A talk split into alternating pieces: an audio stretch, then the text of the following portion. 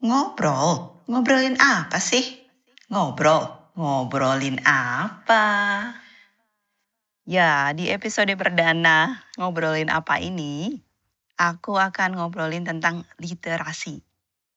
Ngobrolin apa ini adalah obrolan tentang topik yang kadang muncul saat aku ngobrol dengan teman yang lain atau juga bisa request dari beberapa teman perantau. Dan obrolan ini adalah murni pendapatku ya dan beberapa pencarian dari internet. Inspirasi yang diambil dari beberapa podcast plus obrolan dengan teman-teman terdekatku. Kenapa ya literasi itu penting untuk diobrolin? Aku sih sebenarnya terinspirasi dari suamiku sendiri dan juga sahabatku yang suka membaca. Mereka itu bisa membaca beberapa buku dalam satu bulan. Dan perilaku membaca mereka itu sangatlah bagus dan jangka waktu atau saat mereka membaca itu mereka benar-benar fokus gitu.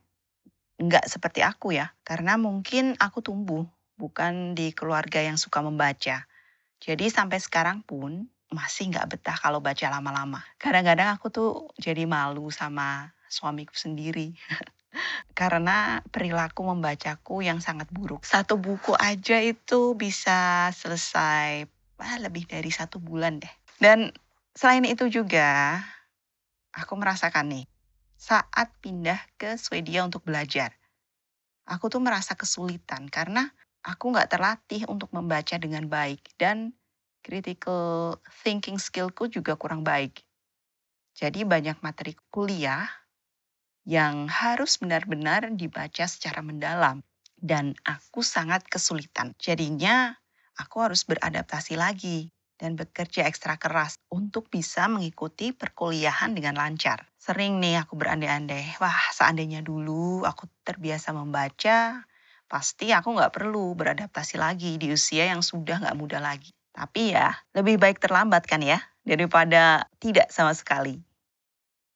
Apa sih arti literasi? Literasi itu menurut Kamus Besar Bahasa Indonesia, artinya ada dua. Satu yaitu kemampuan menulis dan membaca. Dua, pengetahuan atau keterampilan dalam bidang atau aktivitas tertentu. Mungkin sebagian besar dari kita berpikir adalah, oh ya, literasi itu adalah hanya kemampuan untuk menulis dan membaca. Wow, that's very wrong. Literasi itu selain kemampuan untuk menulis dan membaca, juga kemampuan untuk memahami pengetahuan atau keterampilan dalam bidang atau aktivitas tertentu. Yang sayangnya di Indonesia itu masih rendah Walaupun nih pemerintah sudah memiliki program nasional untuk meningkatkan literasi, tapi rasanya masih saja kurang. Beberapa faktornya itu antara lain kondisi keluarga, kondisi sekolah, dan sarana prasarana. Dengan kondisi sekolah yang kurang memiliki fasilitas buku, maka ketertarikan murid-murid untuk membaca juga kurang.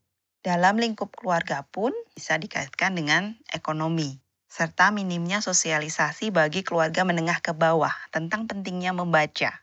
Dan karena tidak terbiasa, maka mereka sering lebih memilih untuk beraktivitas yang lain. Atau mereka nggak ada waktu untuk baca karena ingin membantu orang tua mencari penghasilan tambahan. Selain itu, ada kondisi sarana dan prasarana di mana membaca itu sepertinya merupakan suatu privilege atau keistimewaan karena harga buku yang mahal dan lokasi toko buku yang tidak ada di desa dan hanya ada di kota besar saja. Jadi aksesnya itu hanya bisa dicapai oleh masyarakat menengah ke atas. Sarana prasarana seperti perpustakaan juga kurang memadai. Kebanyakan perpustakaan daerah bisa jadi kurang menarik untuk dikunjungi, serta tidak ada aktivitas yang menarik masyarakat untuk datang ke perpustakaan. Ditambah lagi koleksi bukunya yang sedikit, jadi menjadikan masyarakat enggan untuk berkunjung dan lebih memilih untuk pergi ke tempat lain yang lebih menarik. Nah, aku coba cari nih informasi di internet tentang tingkat ketersediaan perpustakaan secara nasional. Nah, menurut data yang dilansir oleh Perpustakaan Nasional, baru 20 persen perpustakaan itu terpenuhi. Jadi baru 154.359 perpustakaan dari rasio kebutuhan sebesar 767.951 perpustakaan. Data ini diambil tahun 2016 dan perpustakaan umum yakni perpustakaan yang diselenggarakan oleh pemerintah dari tingkat pusat, daerah, kecamatan, sampai desa, serta perpustakaan komunitas baru mencapai ketersediaan 26% dari rasio yang dibutuhkan. Wow, data ini sungguh sangat mengejutkan. Karena kita lihat dari internet atau dari sosial media, sepertinya Indonesia itu sudah melek literasi ya literasinya sudah bagus, tapi kurang sekali ternyata. Perpustakaan itu merupakan media untuk membantu masyarakat agar lebih meningkat perilaku membacanya. Kalau dibandingkan dengan Swedia, di sini perpustakaannya itu sangat interaktif. Jadi banyak aktivitas baik untuk anak-anak sampai dewasa. Dan di bagian anak-anak sendiri dibuat menjadi semenarik mungkin sehingga anak-anak itu bisa bermain dan lebih betah untuk di perpustakaan. Kalau dari kecil itu sudah dikenalkan dengan lingkup perpustakaan, dengan buku, maka selanjutnya mereka akan lebih tertarik dan sangat tertarik untuk membaca buku. Itu sih yang aku observasi saat aku tinggal di sini. Karena kebetulan aku kerja di sebuah TK yang aktivitasnya seminggu sekali itu paling tidak kami berkunjung ke perpustakaan untuk meminjam buku. Dan setiap hari pasti ada aktivitas membaca. Jadi read aloud. Biasanya sehabis makan siang saat anak-anak santai. Jadi kami, para pendidik, membaca buku, satu buku, pilihan anak-anak. Jadi anak-anak itu di uh, rotate untuk memilih buku tersebut. Dan dari sini perilaku membaca mereka sudah terlatih dengan baik dan saat membaca pun itu nggak hanya membaca. Jadi para pendidik itu berdiskusi dengan anak-anak yang mendengarkan dan juga membaca. Jadi mereka membaca melalui gambar. Selain itu, untuk meningkatkan critical thinking skill mereka, diberikanlah pertanyaan-pertanyaan dan tidak ada kata salah atau benar karena ini adalah perspektif dari anak-anak. Jadi dari kecil mereka sudah dihargai pendapatnya, sudah dilatih untuk berpikir dan berpendapat. Walaupun pemahaman mereka menurut perspektif orang dewasa itu sedikit, tapi untuk anak-anak sungguh sangatlah besar. Nah, itu di Swedia ya. Kita kembali lagi ke Indonesia. Dari faktor perilaku membaca masyarakat yang kurang, aku juga kadang heran. Walau akses pendidikan sudah meningkat dan bagus, tapi kenapa ya masih kurang kalau untuk perilaku membaca? Perilaku membaca masyarakat dari kebanyakan sosial media juga nih yang kurang membaca secara mendalam dan tidak memahami isi dari artikel atau posting sosial media dan mereka langsung saja berpendapat tanpa mengkaji atau research secara mendalam sebelum berpendapat. Nah, ini yang membuat aku kadang-kadang duh kok kayak gini sih? Kenapa ya?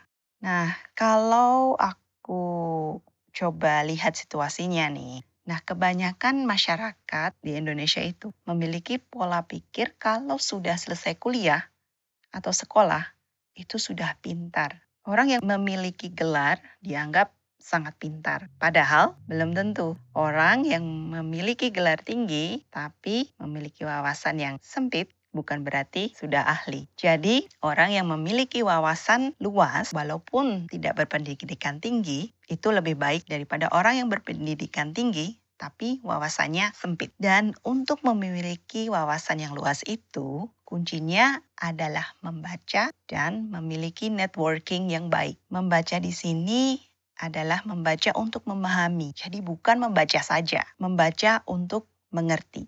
Kenapa sih membaca untuk memahami?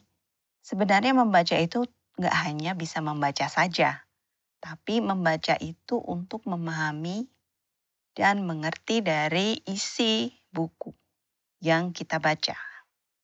Dan ini yang perlu juga kita tingkatkan.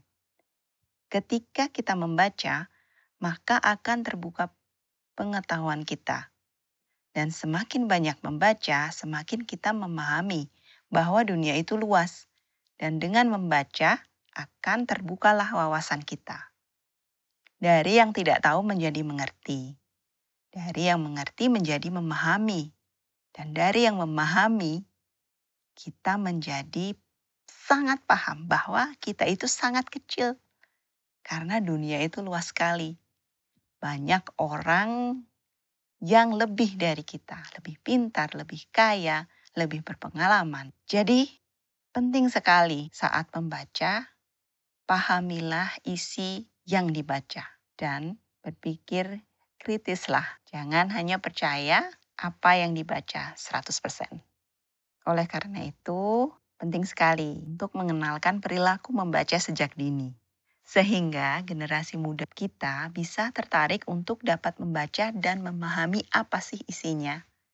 Dari situ, kita akan semakin terlatih untuk berpikir kritis karena akan muncul banyak pertanyaan yang lebih spesifik lagi saat kita membaca. Otak kita akan terlatih untuk berpikir, kenapa, apa, bagaimana, apa solusinya. Pengetahuan itu ada di mana saja, dengan buku, kita dapat berimajinasi dan berkelana dalam dunia yang kita sukai. Yuk, kita tingkatkan perilaku membaca buku dan ajak orang-orang terdekat untuk gemar membaca. Nah, setelah ngobrolin tentang literasi, aku ingin mengajak untuk ikut berdonasi ke ransel buku. Apa sih ransel buku itu? Ransel buku adalah program pendidikan nonformal di Kalimantan Tengah yang berinisiatif untuk mendirikan ransel buku ini adalah salah satu sahabatku yang bernama Aini Abdul beserta salah satu pemuda namanya Ferry Irawan.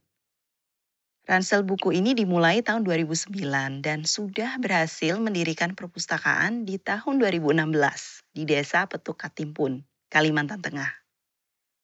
Selain perpustakaan, ada juga nih berbagai aktivitas pendidikan untuk anak-anak desa sekitarnya. So, sebagai bagian untuk mendukung literasi, aku ingin mengajak kalian mendukung program mereka agar program ini bisa terus berkembang dan berkelanjutan sehingga literasi di pelosok desa Kalimantan Tengah bisa tercapai. Kalau kalian penasaran, coba intip website ranselbuku.org dan Instagram mereka at ransel underscore buku. Kalau kalian ingin berdonasi, alamatnya ada juga di profil Perantau Bercerita. Intip aja di sana.